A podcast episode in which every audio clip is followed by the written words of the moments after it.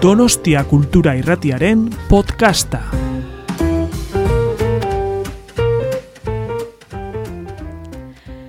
Arrachaldeón con puntualidad británica. Son las 7 en punto.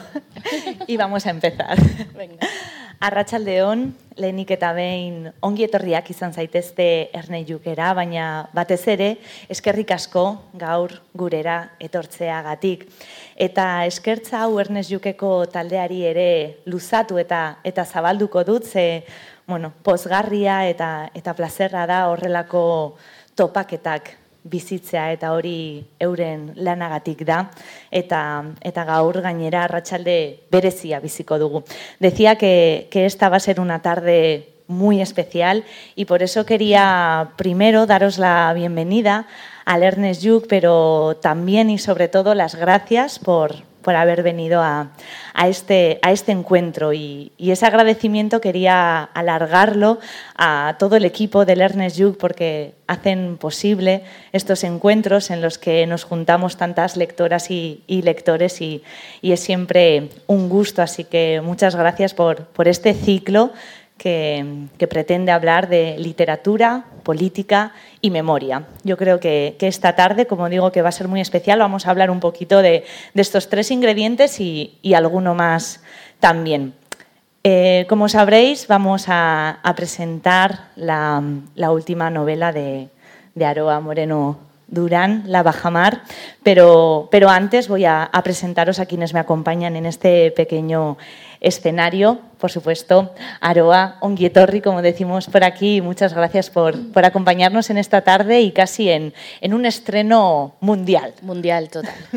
no, muchas gracias eh, a los dos por estar aquí conmigo para este momento que es bastante emocionante. Luego contaremos por qué.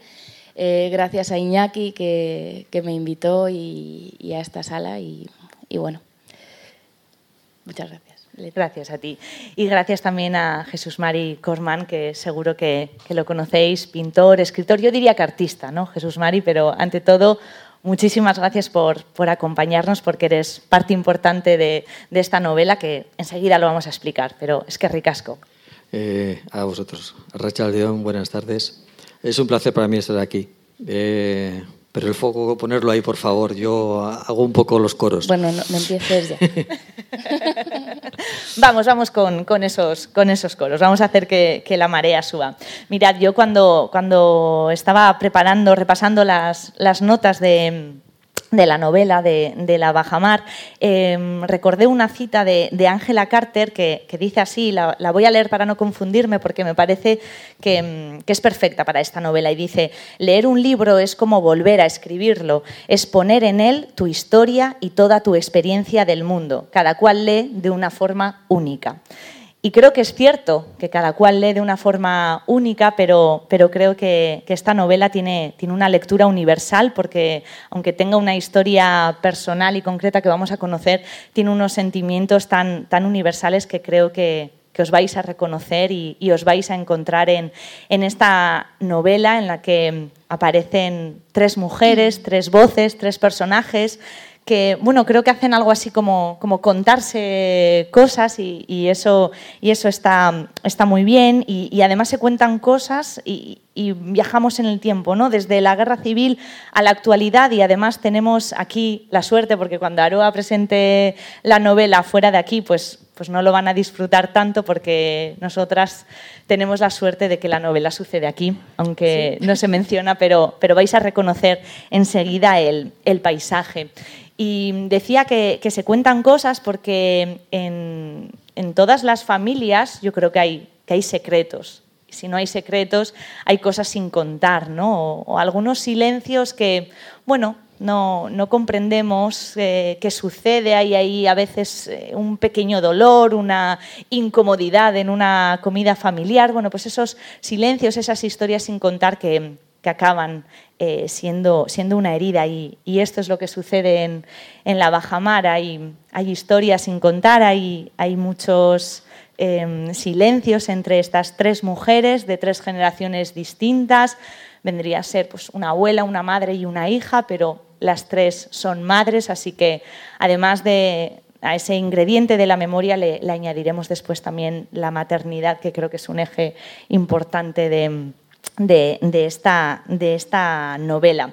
Como os decía, se, compone de, historias eh, personales, pero con sentimientos tan universales, ¿no? como, como, esos silencios o secretos familiares, pero también la culpa, el dolor, la, violencia, el, contexto, como os decía, ese paisaje que, conocemos y, también esa historia que, seguro que, conocéis y que, y que, os, va, y que os va a resonar. Em, yo quiero contaros que además, sin hacer mucho spoiler de lo que sucede en la novela, pero sí que eh, creo que Aroa magistralmente narra esos, silencios que a mí me parece dificilísimo, ¿no? A veces poner palabras a, lo que sucede aquí adentro o, más todavía difícil aquí en el estómago, ¿no? Cuando tenemos ese, nudo y, ese, vacío. Y eso es lo que, lo que consigue Aroa en, en la bajamar. Pero para que entendáis por qué estamos los tres aquí, bueno, yo claramente estoy de moderadora, pero porque están Jesús Mari y Aroa, sí que voy a coger el, el libro y no os asustéis porque no os voy a leer el final, pero sí que os voy a leer la última página, porque como dice Aroa, pues muchas historias pueden entenderse por el final. Entonces, la última página de la Baja Mar son los agradecimientos. Y Aroa escribe lo siguiente. A Jesús María Cormán, que comprendió con generosidad los extraños caminos de la escritura, y a sus padres, Antonia Seco, por los recuerdos de su exilio, y Santiago Cormán, memoria viva. Aroa, es una pregunta que seguro que, te han hecho también eh, con tu anterior novela, La hija del comunista, y que habrás escuchado en otras presentaciones, y aquí tiene que ser la primera. ¿Cómo surge la idea de esta novela, que creo que Jesús Mari tiene mucho que ver? Bueno, pues allá vamos. Eh, a ver, esta novela... Eh, siempre lo cuento así, ¿no? al final los escritores siempre nos preguntan cosas, ¿no? Y tienes como que organizar un discurso posterior a, la escritura. Entonces, esto de, de dónde nacen las novelas siempre es una cosa muy rara porque luego tienes que decir, bueno, a ver, ¿por qué escribí esto? ¿no? Y entonces, o sea, quiero hablar primero de, dos circunstancias eh, personales que, que, a mí me ponen en ese momento en el que después me, lo encuentro a él. La primera es que yo empiezo a venir a, Donosti eh, y empiezo a pasar mucho tiempo aquí. Y, yo cuando llego a un lugar nuevo y me pasa siempre en los sitios en los que he vivido, me gusta mucho investigar y saber quiénes han vivido en ese edificio, qué cosas han pasado en mi calle, en mi barrio. Eh, me gusta como tomar un pulso personal a la ciudad. Y me di cuenta, bueno, me pasa otra cosa también, y es que acababa de tener a mi hijo, cuando empecé a venir aquí él tenía solo seis meses, entonces no tenía el tiempo para dedicar a todo eso, porque eso requiere al final pues, investigación a través de internet, leer libros, y no me daba tiempo porque yo salía de la casa con el niño y me paseaba todo Donosti cuidando de él. Y aparte eh, me di cuenta de que era un lugar que no era tan fácil de comprender, que a pesar de que el País Vasco forma parte de, la memoria ¿no? de todos nosotros, también de los que no hemos vivido aquí, era un lugar complejo que atendía a un montón de, tensiones y, de raíces que, yo no llegaba a comprender y todavía después de escribir esta novela, bueno, pues sigue habiendo cosas ¿no? que, se escapan. Entonces, eh, desde ese punto de vista que casi de forma natural empecé a tomar, ¿no? de, ser una mujer que pasea por una ciudad nueva, eh, que no conoce y que además lo hace empujando un carro de un niño que nunca se duerme, al que hay que cuidar, pues empecé a pensar, bueno, aquí tengo un punto de vista propio, ¿no? O sea, a lo mejor por aquí voy a entrar. No lo empecé a pensar, ¿no? Eso es algo como casi intuitivo y natural que aparece en ti. Y entonces voy a contar esto así, voy a contarlo como lo cuento en Madrid. Puede ser que haya debate, sí, así que vamos a presentarlo. Luego el que dé su versión. y entonces yo vine a presentar La hija del comunista eh, aquí a Donosti y pues fue un club de lectura que hay, que me parece que organiza el ayuntamiento con un montón de gente y a la salida de ese club de lectura de noche en la parte vieja se me acercó un hombre y me dijo, tengo una historia que contarte. ¿Sí? ¿Nos tomamos un café mañana? y yo le dije, sí, pues sí, ¿no? Y, es verdad que, había, que a mí a veces se me ha acercado gente, pues te voy a contar la historia de no sé quién porque tengo una historia, pero no sé qué hubo, ¿no? Que, mm, que, que, que, no sé, pues, pues acepté, ¿no? Y quedamos al día siguiente, creo recordar que en un café por, por la Zurriola, por ahí, ¿no? Y entonces él me contó eh, la historia de su madre y de sus tías, eh, que son niñas de la guerra, de los miles de niños y niñas que salieron de aquí en vapores rumbo a, pues rumbo a lo desconocido, en medio de un bombardeo. Y a mí esa historia pues me conmovió, o sea, no sé, creo recordar que me saltaron las lágrimas en ese momento cuando hablamos y pensé, a mí me gustaría hacer algo con esto. Entonces, de esa confluencia de cosas, de, de, estar aquí, de necesitar entender este lugar, eh, su naturaleza y su historia, eh, de mi circunstancia como madre y de mi encuentro con él, eh, yo empecé a escribir La Bajamar. Jesús Mari, ¿qué le contaste? Bueno, primero me voy a defender. Defiéndete. Yo cuando, cuando leí la primera vez que dijo eso en una entrevista, yo me encontré con un hombre que me paró y, me dijo, voy a contarte una historia. Y yo dije, pero no, si, si, a ti te para alguien por la calle, sales corriendo. Pero fue así o no? Eso? Fue así. Bueno, fue Eres casi, un hombre que me paró por la sí, calle sí. de noche. A ver, fue casi así, fue casi así, pero yo había estado en la presentación de La hija del comunista, que es a lo que fui, porque yo ya había leído el libro, me había gustado, bueno, previamente había eh, leído reseñas que hablaban muy bien del libro, sabía de su premio El ojo eh, crítico. El Ojo Crítico. Y yo dije, no sé, voy a leer la novela. Me gustó y dije, sabía que iba a presentar el libro en Donosti y me acerqué, estuve en la presentación. Y luego, pues sí, efectivamente, en algún momento le abordé, me, me presenté, pero, pero no fue tan siniestro como No, lo no, pinta no. ella. No, pero a Yo la creo que este es el momento eso, el- ¿no? Creo que, es, creo, creo que es el momento en el que más literatura está haciendo. Puede ser. Fue- bueno, bromas No, es que aparte. además me ponen una cara, no, porque me abordó un hombre. Sí, sí. Bueno, pero bromas aparte, un poco para aliviar un poco la tensión del momento. Sí que es cierto que al día siguiente quedamos, eh, nos tomamos ese café eh, y nos pusimos a hablar. Eh, porque claro, no es, es cierto que la, la hija del comunista habla de, de desplazados, de gente que sale de España, que se instala en, en la Alemania del Este, que vive allí y luego de, de una persona que siente la necesidad de volver. Y, y al final esos viajes de ida y vuelta, yo veí, vi en, en aquel momento la similitud con una historia que yo había crecido desde niño, la había oído contar a mis tías. Yo era un hi- hijo único de mi madre, que era la pequeña de esas tres hermanas. Mm, eh, ellas, aparte de las cosas que, de los trabajos que hacían en sus casas, como eran las amas de casa de, de los años 70 eh, y 80, bueno, eh, aparte, por las tardes cosían para afuera, en, la cocina de la casa de la, de la- casa de, las de la mayor de las tres. Y yo crecí en una cocina donde tres mujeres que habían vivido un exilio y que habían sido niñas de la guerra contaban recurrentemente, eh, he tenido noticias de la madrina, eh, no sé qué, me ha llegado la carta, no, oye, ¿te acuerdas cuando estábamos allí? Y yo, entre retales y retales de- de telas y, hilos con los que jugaba, y era un niño muy pequeño de cuatro, cinco, seis años, fui creciendo escuchando esas historias como la cosa más natural del mundo. Algunas historias que eran que mm, traspasaban lo natural y, iban un poco más allá hacia lo sobrenatural, ¿no? Y bueno, de eso hablamos, de eso, esa historia le conté de eh, Aroa en aquel café largo de, de aquella mañana y de 2019. Sí. O sea que tenemos entre medio de todo una, una Había una pandemia. vida anterior. Y en, en un momento de la historia en el que yo le iba contando, le iba soltando datos, como, la- como el que eh, cuenta que ha visto una peli, les- me dice ella, me para así y me dice, oye, ¿tú tendrías inconveniente de que yo utilice este material para mi siguiente novela? Y, y me, quedé, me quedé clavado, me quedé blanco. Me dije, y le dije, pero a ver, yo no, no te estoy contando esto para nada, porque supongo que historias como estas habrás oído cientos.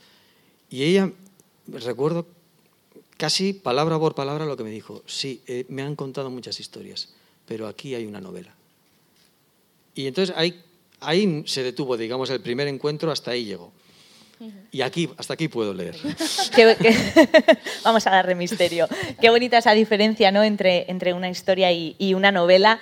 Y es que en esta novela, como os decía, hay tres personajes principales. Están Ruth, Adriana y Aridane. Y en este caso, la historia de Ruth es la que está inspirada en, en tu mamá, Jesús Mari. Y ella en la novela hay un momento en el que dice, si no hay nada escrito, porque no lo hay, solo nos queda una memoria, y es la mía. Y es esa memoria la que, la que has utilizado y te ha inspirado, Aroa, pero cuéntanos qué, qué es lo que te conmovió, qué es eh, ese momento en el que dices, sí, sí, aquí hay una novela. Que si la leéis lo vais a entender, pero cuéntanos. No sé si las cosas que me conmovieron en su momento, ¿no? que, que hicieron que se me saltaran las lágrimas, son las que al finalmente me llevaron a la escritura, ¿no? Pero yo no sé por qué, porque es algo que me he preguntado muchas veces. Eh, me encanta registrar la memoria de la gente que estuvo antes que yo y pienso que, que, la memoria histórica y la memoria política y la memoria familiar corren casi, ¿no? Una va por el fondo del agua y la otra pues es la marea que, que vemos y conocemos. Es la historia con mayúsculas sujeta en las miles de historias eh, íntimas. Y, bueno, esa generación ¿no? que, de, sí, que, ¿no? que muchas veces nos dicen, hay otra novela de la guerra civil, hay otra vez la, eh, la historia del abuelo, pero o sea, primero pienso, ¿quién, ¿quién, está diciendo eso? ¿no?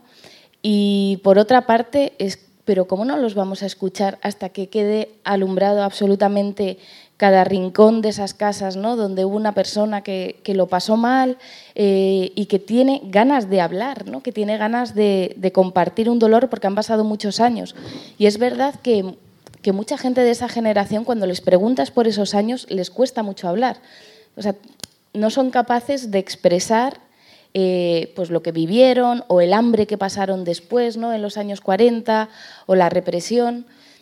Pero cuando van siendo mayores yo creo que, miran hacia atrás ¿no? y necesitan dejar constancia. ¿no? Y es lo que hace el personaje más joven, que no es tan joven porque, tiene mi edad, que tiene 40, pero, regresa a la casa familiar como un poco con una excusa, porque ya deja otra guerra ¿no? metafórica en, en su casa de Madrid y quiere grabar a su abuela, ¿no? a Ruth, que es el personaje inspirado en, en la historia de su familia, para que le cuente cómo fue una niña en un pueblo de, de aquí, eh, donde de pronto llegó una guerra, lo cambió todo eh, y empezó a desaparecer gente, ¿no? hasta el punto en que su madre, una mujer eh, pues llena de, de valor y de coraje, es capaz de ponerla en un barco y, y dejarla ir ¿no? en medio de un bombardeo. Entonces, bueno, es algo que yo siempre me he preguntado. Eh, ¿Era el amor igual en los años 40 que lo entendemos ahora? ¿Nos querían las madres igual en los años 40 que ahora?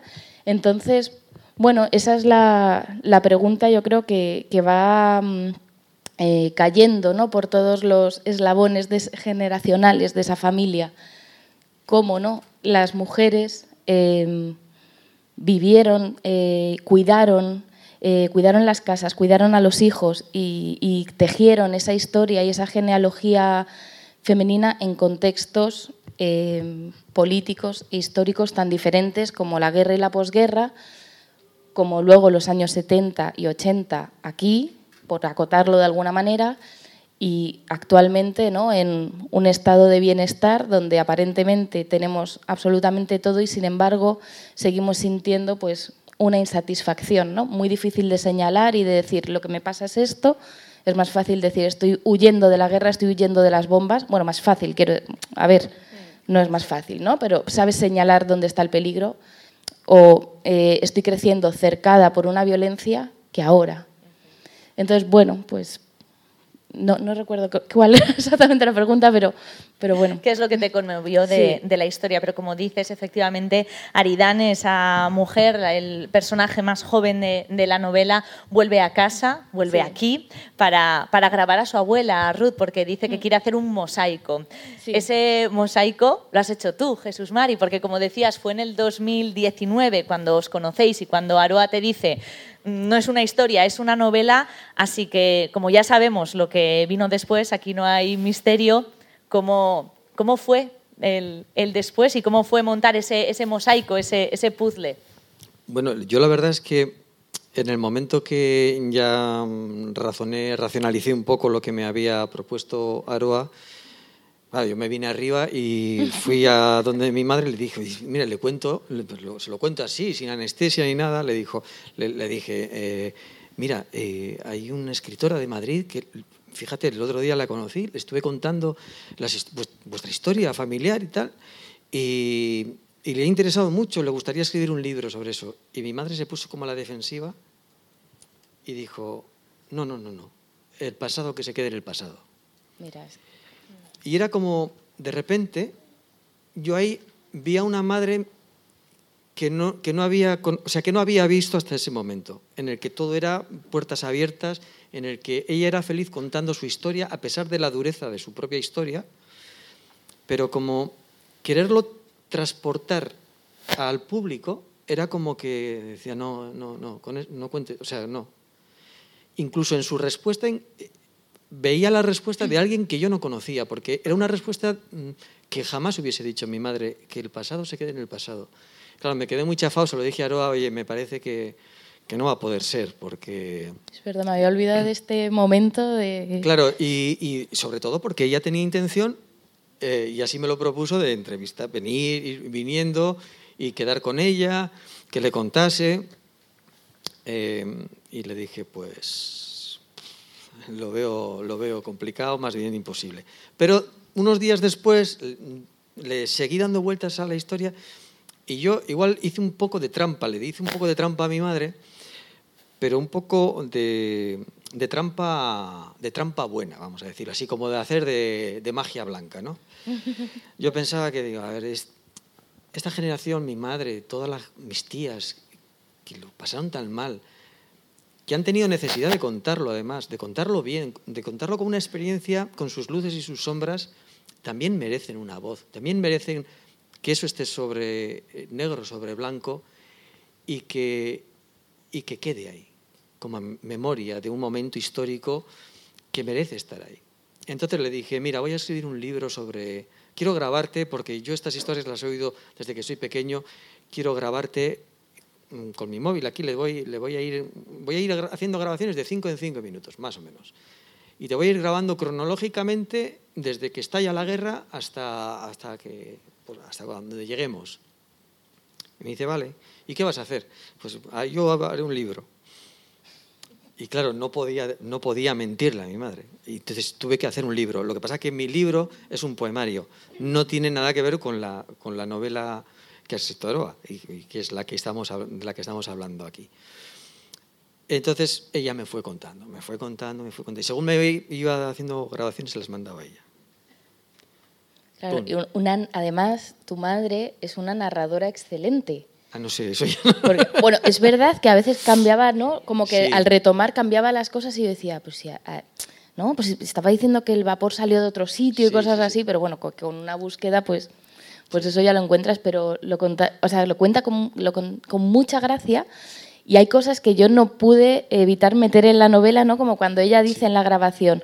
Y entonces llegamos a Macón en Francia y nos metieron las tres vacunas, ras, ras, ras, ¿no? Y lo dice así, yo dije, esto lo voy a poner tal cual, porque es como lo diría pues una abuela contándolo. Claro, es que, bueno, tú hay que decir, mi madre tiene 94 años ahora, o sea, no... Y tenemos la suerte de que todavía tiene, pues bueno, la cabeza bien, tiene buenos, o sea, tiene la memoria bien, bueno, con sus, con sus también con sus lagunas y, y, con sus incongruencias a veces, pero, pero vamos, en, en gran medida está bien. Sí. Eh, tiene una cierta coherencia en las cosas que cuenta y luego no, no hace grandes estropicios. Eh, cuando, cuando retoma un, pasaje de, la historia no, no, no la cambia, no, no hace cosas así. Entonces tiene buena memoria. Mi padre, mi padre todavía más. O sea, mi padre es una cosa. Lo que pasa es que la historia de mi padre no es la que ocupa este libro.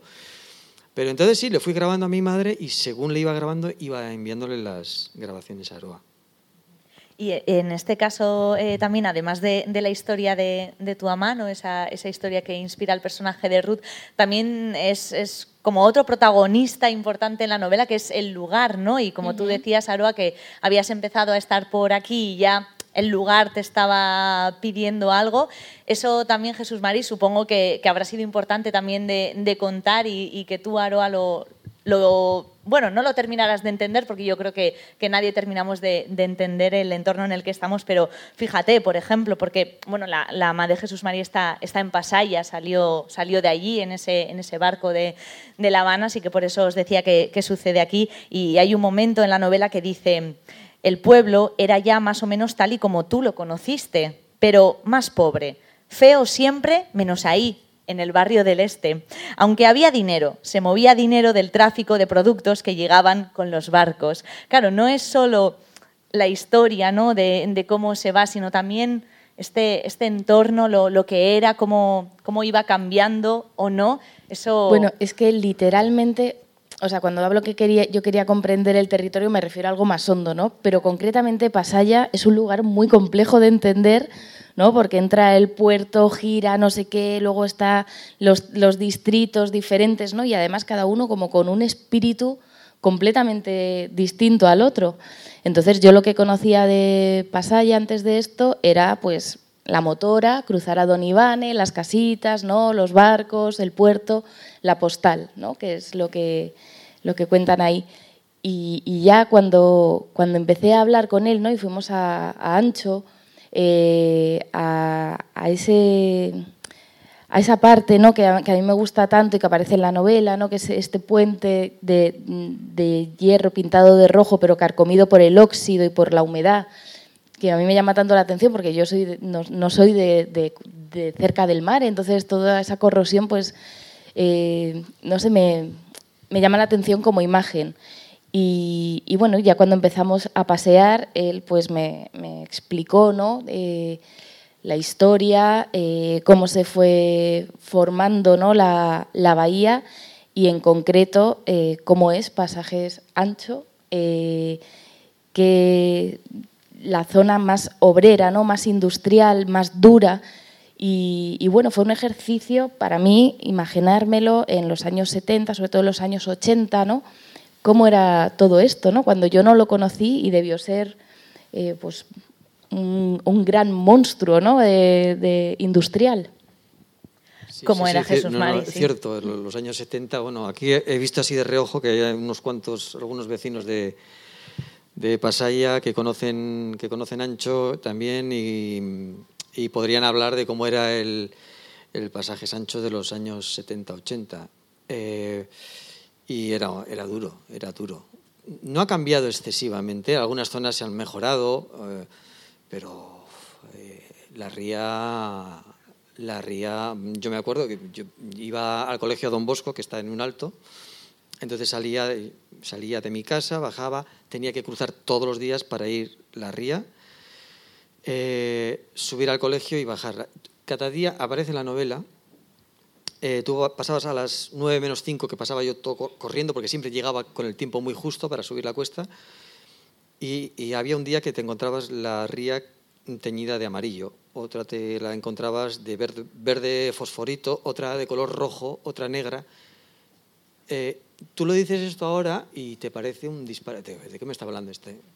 Pero es que era así. Había una fábrica que no voy a decir su nombre, pero estaba, estaba ahí, al lado de la ría, y hacía vertidos un día sí y otro también, pues de, bueno, para limpiaban los... Y, lo echaban a la ría como si tal... Ahí no, no se movía nada. A veces entraba algún corcón perdido ahí, extraviado, que yo no sé si duraba media hora, no, no sé. Y, y, eso era realmente así. Eh, por no hablar de otro tipo de, o sea, el ruido del puerto, la, o sea, las mercancías que estaban, digamos, que no estaban, que se, cogían con las palas, pues, eh, el polvo estaba en suspensión permanente, de minerales, o sea, era, era muy duro, de verdad. Entonces, pero nosotros crecimos en esa, en esa dureza como la cosa más habitual del mundo, por no decir que el, pueblo lo atraviesa. El, pueblo lo atraviesa, la, ahora ya no, la Nacional 1, dos carriles de ida, dos carriles de vuelta. Un tráfico permanente, ahí pasaba, era la Nacional 1, comunicaba con, con la frontera. Yo vivía al lado de, de la vía del tren, de la vía del topo, de la Nacional 1, del puerto, de la térmica, de la térmica que la tenía más lejos, al otro lado de la bahía, pero todo era ruido, ruido, ruido. Yo cuando me cambié de casa y fui a una zona en la que no había nada de eso, lo primero que me costó es dormir. No, no, es que en serio, de verdad, cuando te acostumbras a dormir con esa cantidad de ruido, eh, encontrar un silencio es como que, está pasando algo, algo perturbador. Estoy hablando demasiado. No, ni habla. No, es que yo creo que los dos tenemos además eh, cierta atracción por, por la belleza que tiene la sordidez, ¿no? Porque hoy íbamos en el autobús y era como, mira, todavía quedan montañas de escombros, ¿no? De, chatarra, de chatarra. Y no solo, solo este es el, contexto ¿no? que, deja tu mamá, que deja Ruth para, pues eso, montarse en ese barco sin saber ni, ni a dónde iba, lo, increíble de la historia, ¿no? que, que termina eh, con una familia en, en, Bélgica, todo lo que vive allí, pero vuelve. Que también Esa, esa, memoria de, de volver ya a, a un pasaya hay una cosa muy bonita en, en, las vivencias de su madre ¿no? y en, Ruth, en, el personaje, y es el recuerdo feliz, bueno, feliz, pero eh, dulce del exilio. ¿no? Porque piensas, bueno, en las circunstancias en las que salieron esos niños, en medio de una guerra, separados de sus padres, ¿no? En un momento de su vida, ¿no? De, crecer, de, desarrollo, ¿no? Eh, pues no sé, debe ser el horror. Y es verdad que aunque lo pasaron muy mal, eh, por ejemplo, en este caso tienen un recuerdo dulce, ¿no? De cómo alguien desconocido eh, les abre la puerta de su casa y les da un abrazo y, los cuida y, les dan una casa, ¿no? Y una familia durante un tiempo. Y luego está ¿no? la vuelta eh, pues a los años 40 en este país a una posguerra durísima y, al hambre. Entonces, no sé, hay que verlo también eso, ¿no? Aunque vuelvas a, tu familia, es a encontrarte otra vez, pues, pues no poder ir a lo mejor a la escuela o no tener cosas o no sé. Sí, porque además hay un momento que, cuenta eso, cómo los hombres les enseñaban algunas cosas a las mujeres, cómo, son, eh, cómo, cómo, ordena tu ama esas cosas en, su memoria, Jesús Mari, porque claro, tan lejos, luego otra vez tan eh, cerca. Bueno, hay una, hay una cosa del regreso, primero, el regreso como tal, ellas vienen hechas unas señoritas, eh, vivían allí en una situación envidiable. Entonces ellas vienen con unos trajes, con unos abrigos, con con, unos, con, e, con equipaje, llegan a un pasaje Sancho demolido, pero demolido, humanamente demolido. Eh, ya no solo es la miseria, eh, el hambre, es el, el, conflicto permanente entre las gentes del, del, pueblo, entre cómo queda aquello, ¿no? Y claro, se encuentran de repente que venían mm, de estar sentadas en un queso y mordiendo del otro y a encontrarse en, haciendo las colas de racionamiento, pasando dice, mucho hambre. Yo antes les contaba, os contaba a vosotras y ahora a nuestro querido público, que yo de niño era un niño, un comedor horrendo, no, no, no, era, no, no me gustaba comer. Y, y mi madre y mi padre ahí esforzándose en meterme la cuchara y la cuchara. Y, siempre había, era, había una frase, todo, cuando ya se enfadaban mucho, todo terminaba con una frase que era como un mantra. Yo a ti te daba el 41. Yo a ti te daba el 41. Yo crecí con, con, eso hasta que ya me entró el apetito y comía y no volvía a oír yo a ti te daba el 41. Pero pasaron un hambre que, que lo recuerdan hoy como la cosa más terrorífica, casi más que la guerra. Y, y, a todo eso, a eso tan terrorífico de, de la guerra, el, hambre, el miedo, el, tener que irte, el montar a tus hijas en, en, un barco, además se suma, como decíamos al principio, pues una, una herencia familiar, un, un, silencio, mm, no vamos a decir un secreto porque, porque se lo contaban, pero, pero en la novela sí es algo así como, como un secreto, pero sí, bueno, de, esa, de, de esas historias que tampoco se, se, cuentan a menudo, ¿no? porque de hecho dice que, que la madre a Ruth se lo cuenta una vez y, y ya no se lo contó más, así que si os parece, vamos a, leer al menos las, las, primeras páginas de la novela para que os hagáis una idea de, de cuál es esa historia sin contar en, en, la, en la bajamar. El capítulo se titula Matías, que es otro personaje importante en, en, la novela. Dice así, no les enseñaban a nadar, a pesar de vivir en la ría, el agua estaba muy fría porque era noviembre. El agua estaba negra. Los peces arañaban calor de la superficie. Cuando el niño se cansó de mover los brazos y se hundió, ya nadie pudo ver más. Todavía se levantaba un poco de espuma cuando el otro niño dijo desde el petril que un perro se había caído. Después se arrepintió y pidió ayuda. Una pescadora, acercándose a la ría, gritó que nadie se tirara, ya que nadie se tire o serán dos los cuerpos. Y nadie se tiró. Los pescadores de las escaleras no levantaron la cabeza de los nudos. Las barcas siguieron recibiendo brochazos de pintura. La fábrica escupía humo negro en la parte nueva. Algunas contraventanas se cerraron. Un carguero removió la bahía. Entonces, la pescadora clavó el remo en el agua una vez y otra, pero no pudo cruzar por debajo del puente porque la marea estaba muy alta y el agua lo golpeaba con el vaivén de las olas. Las vecinas apretaron los cuerpos unos a otros y se acercaron al borde agarradas de los brazos. Todas las manos se fueron a la boca. Todas recorrieron las calles buscando a sus hijos para aliviarse. Se oyeron los nombres de los chicos por todo el pueblo. Luego se fueron callando y se fueron marchando a sus casas. Al niño grande, su madre, lo agarró del codo y lo arrastró por la calle. No lo miraba, solo los dedos índice y pulgar demasiado clavados en la carne. Tú no te mueves hoy y tú te callas. De vez en cuando el crío daba la vuelta y todavía le parecía estar oyendo la bronca, la discusión por quién usaba los salabardos. El niño pequeño había cortado en casa las cabezas de los cinco chicharros con una tijera y los había echado a la arpillera.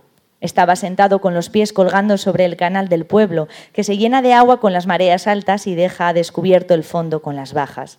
Más de dos metros entre subida y bajada. El niño estaba a punto de lanzar la cuerda cuando apareció el otro, y el otro le dijo que él, que era el mayor, pescaría. Déjame pescar a mí, tú no sabes. No, son míos, le respondió el pequeño, y se agarró fuerte a las redes. El crío grande, sin pensarlo, empujó al pequeño y el pequeño cayó al agua y no les enseñaban a nadar. Aquella tarde nadie rondó la ría, ninguno paseó por sus bordes. La pescadora sí miró durante todo el día el agua negra de la bahía. No es verdad que lo buscara, pero cuando fue bajando la marea, pasó varias veces por encima del sitio y miró hacia abajo y miró hacia todas partes. Ya se estaba poniendo el sol cuando una mujer salió corriendo de una calle. Una mujer que había descubierto cinco peces muertos y sin cabeza sobre la mesa de la cocina y unas tijeras abiertas. Una sola de todas las mujeres que no encontraba esa noche a su hijo pequeño. Una vestida de negro que descendió urgente por la calle y se arrodilló junto a la orilla y metió los brazos hasta el codo en el agua, moviéndolos en un intento de despejar la oscuridad. Y entonces se partió en dos. Y entonces la mujer ya no fue más esa mujer, y el cauce, como un espejo, expandió el sonido del grito por toda la bahía hasta la bocana del puerto como un altavoz de la muerte. Los vecinos temblaron, pero cada uno adentro de su casa. A la bajamar, sobre el fondo de cieno, boca abajo y con las manos abiertas sobre el suelo negro, el niño pequeño quedó al descubierto. El juez fue a preguntar esa noche a la mujer qué hacían con el chico grande. Lo mismo me da, respondió mientras restregaba con un trapo la mancha de sangre aún fresca de los pescados. Toda la casa olía podrido. Aroa, cuando te llega esta, esta historia, ¿qué, ¿Cómo la digieres? ¿Qué, es lo que sucede? ¿Cómo, ¿Cómo te lanzas a escribir? A ver, esta historia que son las primeras páginas del libro, luego los personajes toman un poquito de aire, eh, nos sacan la cabeza un poco del agua para respirar. Pero bueno, esta es una historia real, ¿no? Y que también pertenece a su familia y, bueno, es, yo quise arrancar con ella porque me parece lo más desolador que le puede pasar, eh, bueno, a, una madre, ¿no? Que es perder a un niño pequeño y, además en esas circunstancias tan dramáticas, ¿no? De, de, esperar, ¿no? A que baje la, la marea para, para poder sacarlo del agua. Entonces pensé que esa historia, eh, si era contada a las siguientes generaciones ¿no? y se transmitía, porque es verdad que, es una historia que, si pasa ¿no? en una familia acaba llegando ¿no? y, va, y desciende hacia las siguientes generaciones, tenía que cambiar la forma de cuidar de, de las siguientes mujeres. O sea que, que cuando un hijo de esa familia se acercara al agua, evidentemente iba a llegar la sombra de ese niño que se cayó. Y es curioso porque estábamos paseando por pasajes y él justo me ha dicho, es que aquí pescaba yo, ahora no me puedo acercar, perdona que lo cuente, ¿eh? porque, porque me da vértigo, pero aquí me ponía yo y mi madre agarrándome ¿no? de la ropa para que no me cayera. Y es como, es que claro, es que hasta yo tengo ya el trauma heredado ¿no? de, de que aprenda a nadar ya mi hijo, que estaba ahí, se acaba de salir, que va a hacer seis años, porque eso no, no puede pasar, ¿no? Y es verdad, y, y, entonces yo quise contar cómo eso que sucedió en un pasado bastante lejano ya, en, los años 30 o a finales de los años 30, iba a, iba a tener repercusión en todas las mujeres que iban a cuidar niños de esa familia. Y por eso, ¿no? También es el sentido de, de la novela primero, ¿no? Lo que está en el fondo del agua, lo que está en el fondo de las familias y lo que tenemos que contarnos. Bueno, no quiero hablar más. De... a ver si voy a desvelar. Es cierto que la historia es, es, terrible, Jesús Mari, pero también es que, es que dice mucho ¿no? de, de la época, de bueno, como eh, los niños eh, andaban por, por, la calle, eh, estaban bueno, en lugares que igual ahora no, no los ocupamos de, de, la misma forma, también ese silencio de cada uno en, en su casa, el, bueno, pues déjalo, esos silencios, ¿no? que, bueno, siguen, siguen estando ahí, ¿no? Sigue estando en, en la memoria de, de, tu mamá también, ¿no? El... Sí, eh, voy a llamar a, a, al, al, pobre, a mi pobre tío fallecido con ocho años. Eh, bueno, como se llama el personaje, Matías, que no se llamaba originalmente así, pero bueno, yo lo voy a llamar Matías aquí para que nadie se confunda luego. Eh, pero sí es cierto, yo crecí con esa historia. Eh, como si fuese la cosa más natural.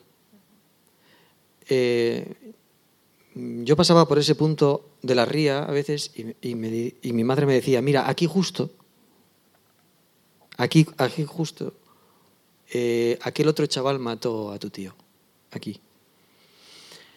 y la gran paradoja es que él no pudo ir a... Su madre no lo soltó para ir al, exilio con, sus hermanas porque consideraba que era muy pequeño todavía. No, se fiaba que... Era, pues si mi madre fue con 10 años, el día de su cumpleaños cogió el barco Habana, el 13 de junio del 37, cuando cumplía 10 años. Eh, su hermano creo que le llevaba, no sé si, ahí me fallan los, las cifras, porque ahí ya le fallan pero tendría alrededor de siete años por ahí, ¿no? Entonces, eh, claro, aquella mujer no tiene sus, vive sus peripecias aquí, en, medio de la guerra, porque las vive, porque mm, eh, también alguna cosa cuentas tú en la novela, y eh, aquella madre con su hijo pequeño que no soltó para ir al exilio, y justo cuando termina la guerra y vienen y se instalan, y se instalan otra vez en su casa, entonces no la guerra, sino un niño, otro inocente, es el que eh, asesina al, hijo que había estado protegiendo todo ese tiempo. y es cierto que, esa herencia eh, familiar es que, es que luego son, son cosas que suceden, ¿no? En, esta novela sucede con, las otras dos protagonistas, Adriana, que es la hija de, Ruth, y, y, Aridane, que es la hija de, de Adriana, ¿no? Que, que juntas eh, heredan ¿no? pues ese, ese dolor y, con ellas ¿no? pues nos acercamos a, algo más actual, pero también qué tiempos ¿no? que, los hemos eh, conocido, tiempos de, violencia, de, otro contexto, pero que Pasaya también ha vivido eso, ¿no? También ha estado ahí, esa, esa tensión ha estado y seguramente sigue estando, ¿no, Aroa? Bueno, eh, claro, es que yo me hacía una pregunta al escribir la novela, ¿no? Al margen de, de la peripecia de los personajes, ¿no? como de fondo, de eh, qué estaría dispuesta a hacer una madre para proteger a su hijo, ¿no? ¿Hasta dónde llegaría? Eh, ¿Es capaz de ponerlo en un barco para sacarlo de una guerra y alejarlo de sí? sí? es capaz, ¿no? Es capaz de abandonar ciertas cosas para protegerlo, ¿no? Para que no tenga que enfrentarse eh, a la violencia o a la vergüenza. Sí, también. Y en el último caso, ¿no? en el de Adirane, que es el, personaje más joven, eh, y que es el personaje al que más nos va a costar comprender siendo tan parecido a nosotros, eh, me preguntaba algo más allá y es, ¿sería capaz eh, una madre de alejar a su hijo de sí misma para protegerlo de sí misma? ¿no? no porque le vaya a hacer nada, sino porque puede proyectar algún tipo de carga o de amargura no digo que lo vaya a abandonar, pero sí dejarlo en manos del padre, ¿no? que es lo que hace este personaje al principio de la novela cuando regresa a la casa familiar para hablar con su abuela, está dejando atrás otra familia, ¿no? ha dado un portazo y, se ha marchado. Y bueno, pues es, lo que hablábamos, ¿no? lo que decías tú de, es que antes los niños estaban por la calle y es como, sí, claro, ahora están hipervigilados, hiperprotegidos pero las cosas que dolían antes duelen ahora y si no, le preguntas a cualquier abuela y te cuenta, no, yo tuve eh, tres hijos más el que se murió sin nacer o más el aborto que tuve de no sé qué o más el otro que le pasó no sé cuánto. O sea, son heridas que ninguna madre se va a olvidar. Y justamente eh, creo que también es, algo extraordinario en, en la novela, ¿no? De, hablar de la maternidad de esa, de esa forma. Creo que no, no tenemos tantas novelas que, que, tengan como protagonistas a madres, bueno, pues a madres de verdad, ¿no? Porque, como te decía, eh, creo que es estupendo cómo le, le pones palabras a, sentimientos que, que, a lo mejor están aquí dentro y no llegamos a, a comprenderlo. Y, y, yo no soy madre, pero, pero mi mamá, leyendo esta novela, el otro día me decía, fíjate, esto me ha pasado a mí. Estaba cansada de tener miedo, de tener miedo al miedo de que pasara algo. Vivía bloqueada en una anticipación. Y eso es lo que les sucede a estas madres en, esta novela, ¿no? Que, el miedo las atenaza y, también esa sensación de que, y eso creo que nos pasa a todas y a todos, ¿no? Asomarse al miedo y al dolor, a ese abismo, es dificilísimo. Pero... Y, muy contemporáneo también, ¿no? Eso es, ese miedo al miedo.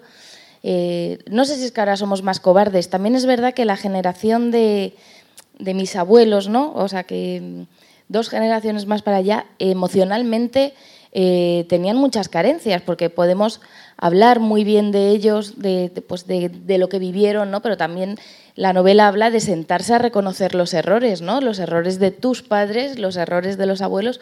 Y es verdad que esa generación, como estaba tan preocupada por la supervivencia, incluso te diría que la siguiente también, eh, pues emocionalmente eh, era gente mucho más dura, a la que le costaba mucho más llegar al hueso, ¿no? Para, para analizar, que da mucho la, trama de sus vidas y muy poco de, oye, ¿y cómo se sintió? ¿no? Nos hemos sentado realmente a preguntar a las generaciones anteriores, ¿en aquel momento estabas bien? ¿Estabas feliz? ¿Estabas preocupado? ¿Tuviste miedo? Y, bueno, es que esa es una, tarea pendiente en cada familia, ¿no? Esa es la pregunta que, tenemos que hacernos, cómo mirarnos a los ojos, sentarnos y, preguntarnos cómo estamos. y, contar. Enseguida vamos a abrir turno de preguntas y comentarios por si queréis participar para que esta charla sea todavía más abierta, pero mientras tanto, Aroa, me, pasaba mientras leía la, novela, en, hablando de, la maternidad, que, bueno, no sé por qué, pero recordaba la novela de Samantha Sueblin, Distancia de Rescate, porque bueno, ella ahí cuenta ¿no? esa distancia de rescate es la que siente una, una madre a, a, ver a cuánto está su hija o su hijo para si le pasa algo llegar, ¿no? Y, es un poco lo que les sucede pues, a Adriana, Aridane, Aridane con, con su hija que se llama Ruth, como, como su abuela, ¿no? E, ese, ese momento de, de mantener esa distancia justa para, bueno, darle el cariño que necesita, estar es una ahí, ¿no? muy complicada de mantener, ¿no? Porque si te pasas, ahogas, ¿no? Y si, y si no, pues se te puede caer el niño a, la ría. Yo creo que es la tensión dramática de todas las madres, ¿no? Estar a tiempo. Es, verdad que ya se van escribiendo más novelas de, madres, pero es que antes parecía que y nació un niño, ¿no? Y es como, ¿cómo que nació, no? O sea, como salió ahí de pronto, ¿no? Hay una persona detrás que tuvo que gestar a ese hijo, cuidarlo, criarlo. Y yo creo que últimamente, de pronto, bueno, de pronto no, o sea, después de mucho tiempo, eh, hay personajes que son madres verdaderas, ¿no? Y hay hijos también escribiendo sobre madres de verdad, no sobre la madre abnegada que, que, lo da todo, ¿no? sino, pues no sé, por ejemplo, estoy pensando en Vivian Gornick ¿no? y los apegos feroces, que, o sea, mira el título, Apegos feroces, o, o Annie Ernaux, ¿no? que habla este libro que se llama Una mujer, donde habla también de su madre y, y tantos otros, que, que poco a poco van diciendo, pues es que además de madre tiene el título de persona, ¿no? con deseos, preocupaciones, miedos, etcétera. Y dudas, que parece que no se les permite dudar ¿no? A, las madres. Y hmm. fíjate que justo como decías ¿no? en, en, la novela dice, no estar en ninguna otra parte que no sea ese lugar estrecho donde si cuidas demasiado ahogas y si das un paso atrás abandonas. ¿no? Eso puede ser el, el lugar de, de las madres. Vamos a abrir turno de, de preguntas y si queréis hacer algún comentario, galderarik badezute edo zeo ze esateko, gustora hitz egingo dugu zuekin baita ere. Cualquier cosa que queráis comentar.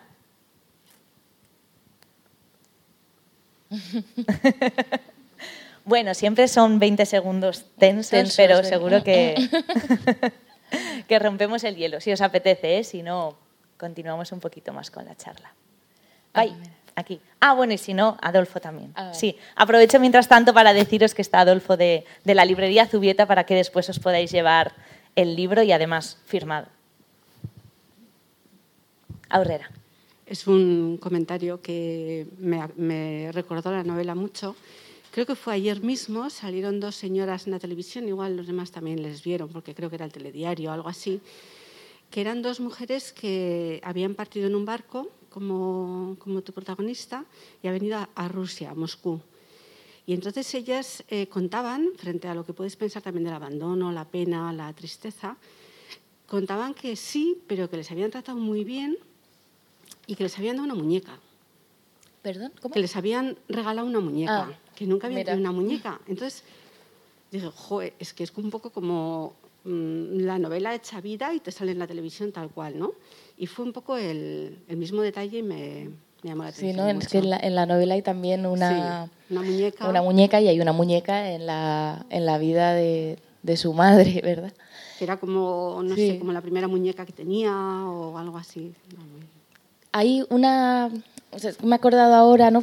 Eh, de una imagen de, de la crisis de Afganistán eh, no sé si os acordáis de una madre que llevó a su bebé al avión, ¿no? Y se ve la foto de la madre con el niño en brazos así, dándoselo a un soldado para sacarlo de allí.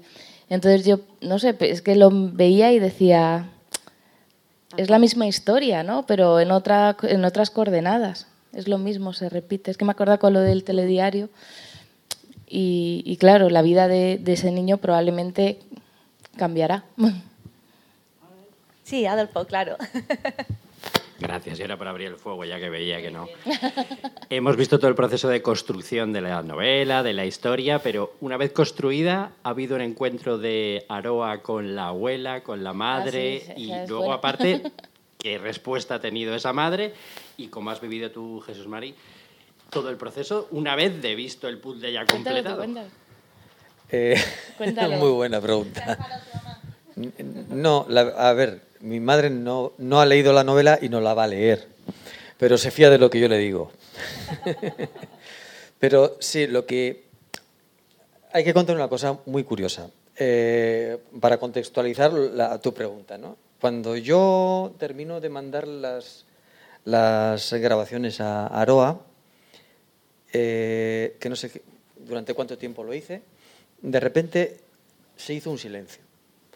Un silencio que, que Aroa elegantemente propuso.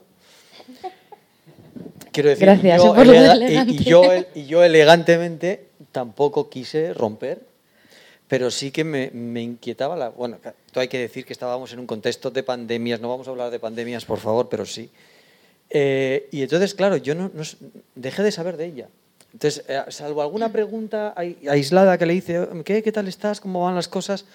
Ya no volví a saber mucho más de ella. Entonces, no sabía si, a- si aquel material que le había enviado lo estaba convirtiendo en una, eh, en una novela. Yo pensaba honestamente, "Bah, ya sea, no lo ha visto atractivo como para, para convertirlo en algo. Entonces no le voy a decir nada porque pf, al final es crear una situación incómoda para unos y otros. Yo, lo, yo hice las grabaciones, a mí me sirvieron también porque me hacía ilusión tener el registro, eh, esos, eh, esos audios de mi madre, eh, de unas historias que había oído muchas veces, pero tenerlas para mí, en este momento de, mi vida y de la suya, pues era importante. Y ya con eso me sentía pagado. Pero en noviembre pasado, creo que fue en noviembre, me, manda un, un mensaje a Aroa y me dice, estoy yendo a San Sebastián, ¿podemos vernos un rato? Así, así, tal, tal como lo estoy contando, lo estoy contando bien, ¿no? Eh, Sí. Bien. así, fue. Y bueno, le digo, sí, va, mira, y quedamos en un sitio, eh, estuvimos ahí un rato y luego me dijo... Bueno, quedamos a ver su exposición. Vale, pero es que no quería que era preciosa. No, de no quería unos- hablar de eso ahora mismo. Porque Pero bueno, quedamos ahí en una galería de arte, estuvimos ahí un ratillo, nos hicimos hasta incluso unas fotos Sí. Y luego me dice, bueno, ¿nos vamos a tomar ahí algo? Fuimos enfrente, nos, eh, tomamos un- y yo notaba que se estaba creando una especie de tensión en el ambiente y en ese momento ella mete su mano en el bolso y hace así, ¡pum! Saca un libro sin cubierta, me lo pone encima de la mesa, que ponía la baja mar, pruebas de... Ahora eres tú el que está haciendo un poco de literatura. ¿eh? Ah, claro, pero bueno, si estamos contando la historia, contémosla, contémosla bien y bonito, ¿no? sí, sí. Bueno, y me pone, me pone el- el- la bajamar sin cubierta, claro, pruebas de imprenta, ¿no? Era Sí, así. Pruebas sin corregir. ¿eh? Pruebas sin corregir. Claro, yo- fue un momento súper emocionante. Me dice estas palabras. Voy a hacer otra vez literatura. Eh, esta es la novela que he escrito con la historia que, que me mandaste. Mm, he intentado ser lo más respetuosa posible con, lo- con el material que, que me diste. No sé si ahí vas a ver la historia de tu familia. Eh, pero lo he hecho con la mejo- de la mejor forma que he sido capaz. Y yo me acuerdo también lo que le dije, le dije, en el momento que te la contaba, que te la enviaba, eh, estaba convencido, en base a lo que ya había leído en la novela anterior, que la historia estaba en buenas manos y que iba a hacer un trato, eh, sobre todo respetuoso, y que, le- y que iba a cuidar bien ese material. Como, y no sé, sí, todo esto sin leerla, pero estaba convencido de que iba a ser así. Y, y luego la leí y... Y me hizo y siguió. 200.000 eh, sugerencias. Sí, sí, la primera pregunta que le dije, Que- le dije, a ver, primera pregunta, ¿tú quieres que un lector de Pasaya reconozca, aunque no aparezca la palabra Pasaya por ningún sitio, reconozca los sitios, reconozca los movimientos de los personajes, sí o no? ¿O estamos en un territorio más o menos neutro que puede ser este o puede ser el otro? Dice, no, no, yo quiero ser rigurosa. Bien, vale. Entonces cogí un taco de POSIT y le dije, vale, voy a, leer- voy a la- leerla con un lápiz en la mano y te voy a hacer anotaciones. Entonces vino al- a las tres semanas o no sé cuándo y, y le puse, no lo ha traído, pero está ese Sí, se ejemplar. lo, se lo debo. Sí, está, muy bien porque, porque le dije, y cuando vio dije, madre mía. y ya le hacía, a ver, acotaciones como diciendo, este personaje no puede ir de aquí a allá porque mm, no, es imposible.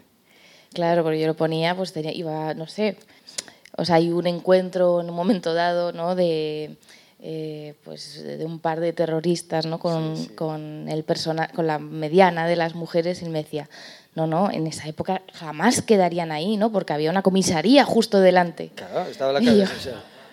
estaba citando, estaba citando al, en la puerta de la, la puerta de la comisaría de la Policía Nacional y digo, no, no, no, o sea, no, es imposible, imposible.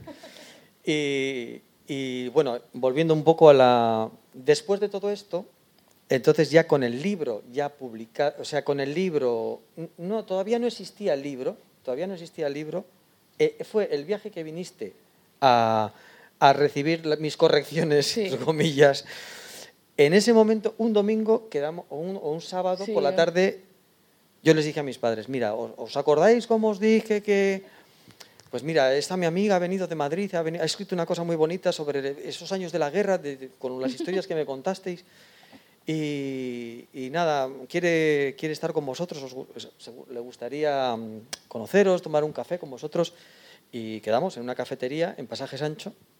Ellos bajaron, fueron allí y le, dije a Aroa, vete, si, si, tienes alguna pregunta en el tintero, este es el momento para que eh, en vivo y en directo y, sin, y sin medium eh, se las haga. Claro, la, cosa duró como dos horas o así. Volvió a contarme todo tal claro, cual. Lo contó todo, le repitió todo. Feliz, bueno, se emocionó. iba, estuvo súper cómoda mi madre contándolo todo, como. Y, caso, yo creo que perdió un poco la, la, noción de que aquello se había convertido en una cosa que a ella le resultaba como muy abstracta, no sabía, un libro. pero yo.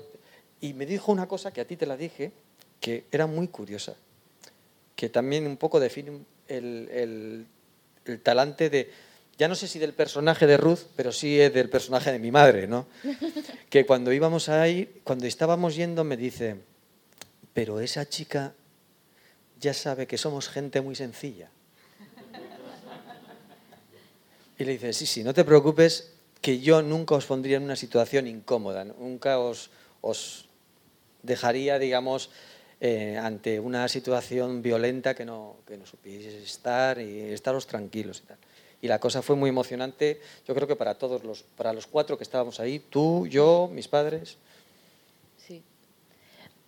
No, o sea, voy a aprovechar este momento para darte las gracias por, por todo, o sea, por tu generosidad, porque lo que pongo ¿no? al final de, de la novela que él supo entender los extraños caminos que toma a veces la escritura es tal cual, ¿no? Porque cuando yo dejé de responderle a él en ese tiempo yo estaba escribiendo y yo era consciente de que tenía en mis manos un material que aunque para mí fuera un material eh, literario, eh, para alguien era eh, un tesoro familiar.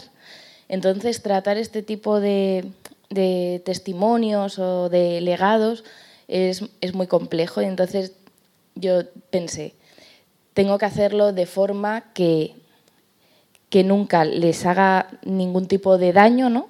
Porque es verdad que el personaje está inspirado en su madre, pero toma otros derroteros totalmente, ¿no? Y luego el resto de la familia, las siguientes generaciones, él no sale, ¿no?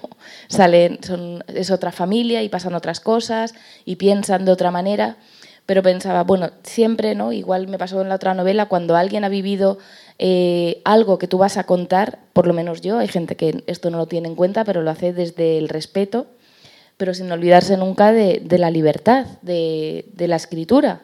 Y ahí es donde yo corté la comunicación con él para darle rienda suelta a la libertad. Te pido perdón.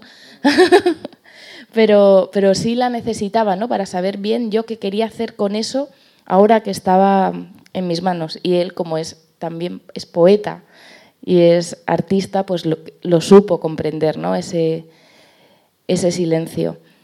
Y, nada, pues muchísimas gracias, porque es que si no, o sea, yo habría escrito otra novela. O sea, si no me hubiera encontrado a ese hombre una noche en la parte vieja.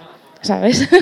o sea, ahora se llamaría Marea Alta o vete a saber qué narices habría acabado escribiendo yo, pero, pero si la bajamar es lo que es, es porque nos encontramos.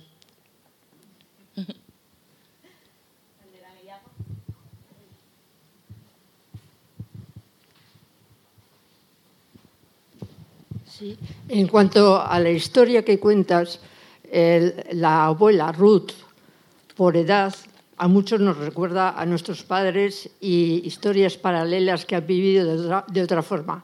Pero de todas formas, la hija Adriana es la que quizás por edad eh, se, compara un poco más con la historia que hemos vivido los que ahora tenemos 60, 70, por ahí.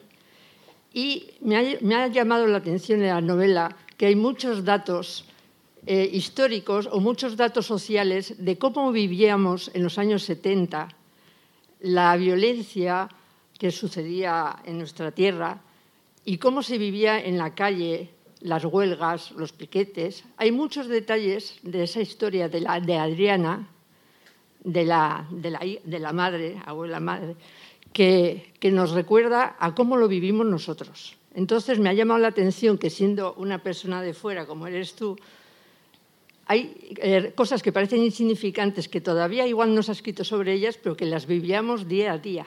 Y es algo muy de agradecer, porque de alguna forma nos hemos sentido reflejados también en ello.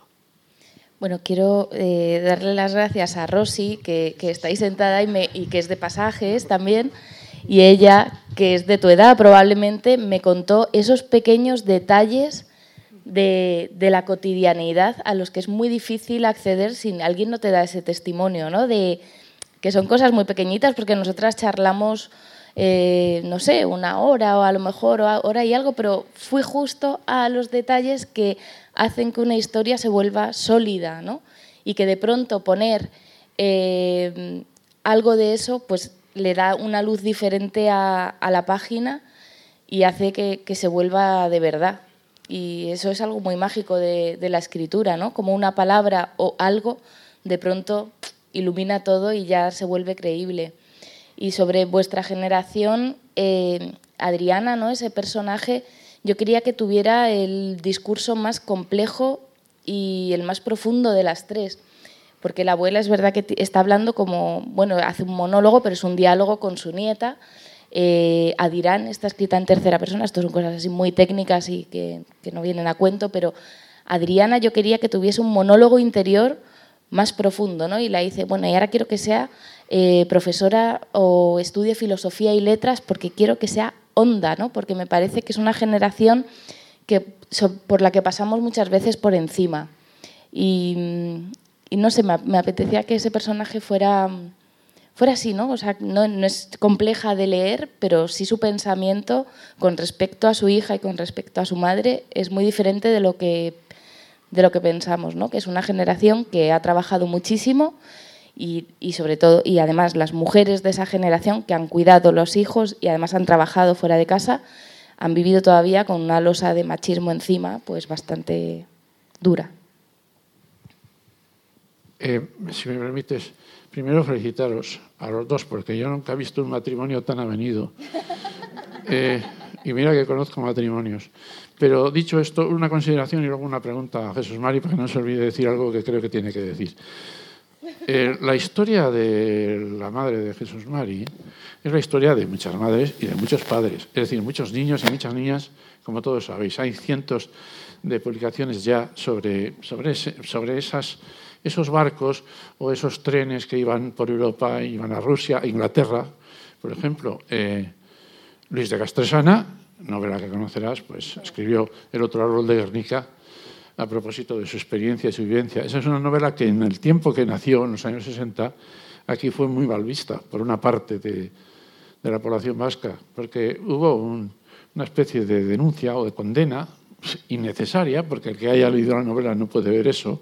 Era una novela para el amor, para la paz, para el entendimiento de una historia. Pues eh, algo así como si fuera una novela del régimen que, que, ganó la guerra, cuando en realidad es un canto de los niños que perdieron la guerra. ¿eh? Pero eran los que no lo habían leído, es por eso leer jura mucho. ¿eh? Y quiero decir con esto que en Pasaya, donde hay muchos pintores y muchos poetas, no solo Jesús Mari, solo sabe él, yo también, eh, hay un poeta y un escritor y un pintor que es Kepa Lucas, de la misma edad que Jesús Mari, ¿no? Año más, año menos. Y Kepa Lucas, o sea, la madre de Kepa Lucas, embarcó en el mismo barco como una niña más de Pasaya y se fue en ese barco. Esa madre que eh, a su padre se lo habían arrebatado de la cárcel en, en, Ondarreta y, y, evidentemente lo habían matado. Hace tardado medio siglo en encontrar los huesos de su, de su padre ¿eh? y su aitona. Quiero decir con todo esto que esta, esta historia que has silvanado, que has eh, retratado, yo no he leído la novela, como sabes, pero sé quién lo ha leído, ¿no? Y hay una persona que sí lo ha leído, aunque Jesús María ha dicho que su madre no ha leído la novela, yo sé que tu madre sí ha leído la novela. Y eso eh, me lo vas a poner ahora y termino. ¿Qué te dijo tu madre cuando vio la novela físicamente? ¿Qué te dijo? Y ahora ya... Sí, sí, bueno, no, seguro que si habéis leído en algún la, la entrevista que salió en Diario Vasco, eh, aparece ahí la frase. Eh, fue un momento muy emocionante porque yo, ya cuando el libro existió físicamente, yo fui a casa de mis padres con el libro en la mano, lo saqué, lo, puse así delante de mi madre, vio la cubierta, vio la foto y dijo, se echó a llorar y dijo, soy yo. Sé que no soy yo, pero soy yo. Eso querías, ¿no?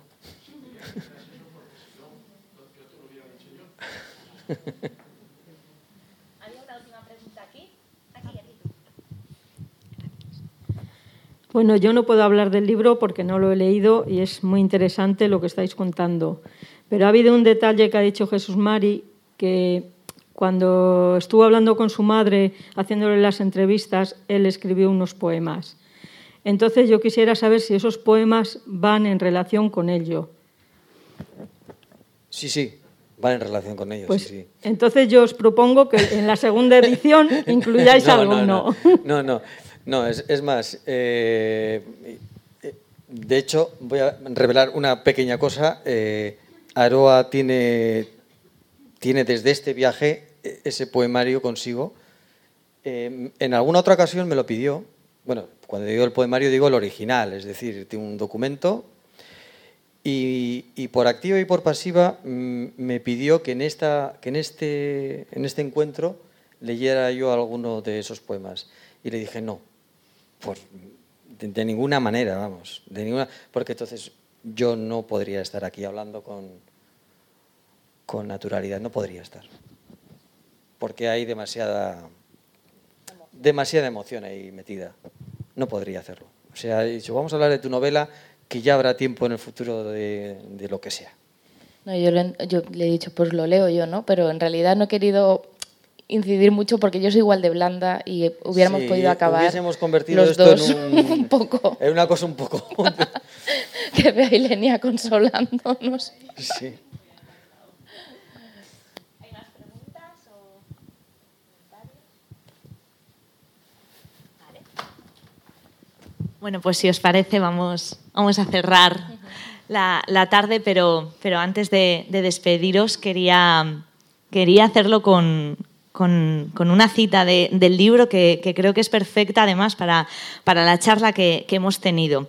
Dice así, los recuerdos de las familias no hay que vivirlos para tenerlos, solo hay que contarlos y escucharlos, claro.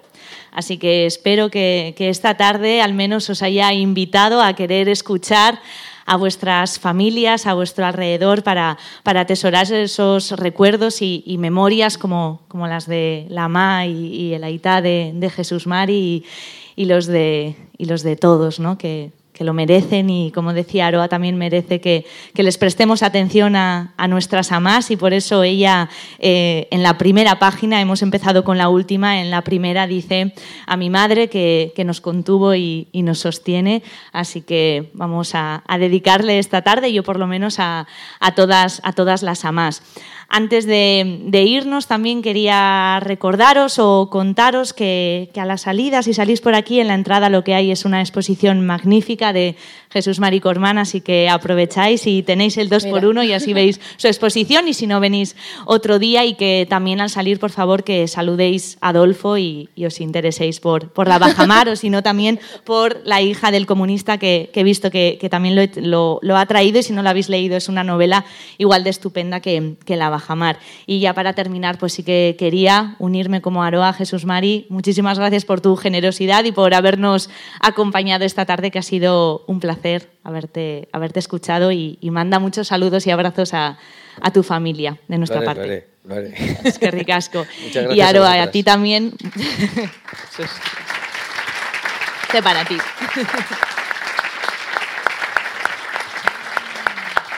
Y Aroa, pues muchísimas gracias y enhorabuena por, por, esta novela, por, como decía al principio, poner palabras a, los silencios, por poner negro sobre blanco, memorias e historias como, como esta. Muchísima suerte que seguro que la vas a tener y que, y que sigas paseando por aquí, por Donosti, por Pasaya y, y, que sigas contando historias. Es que ricasco. Es que ricasco, Ilenia. Muchas gracias. Es que ricasco.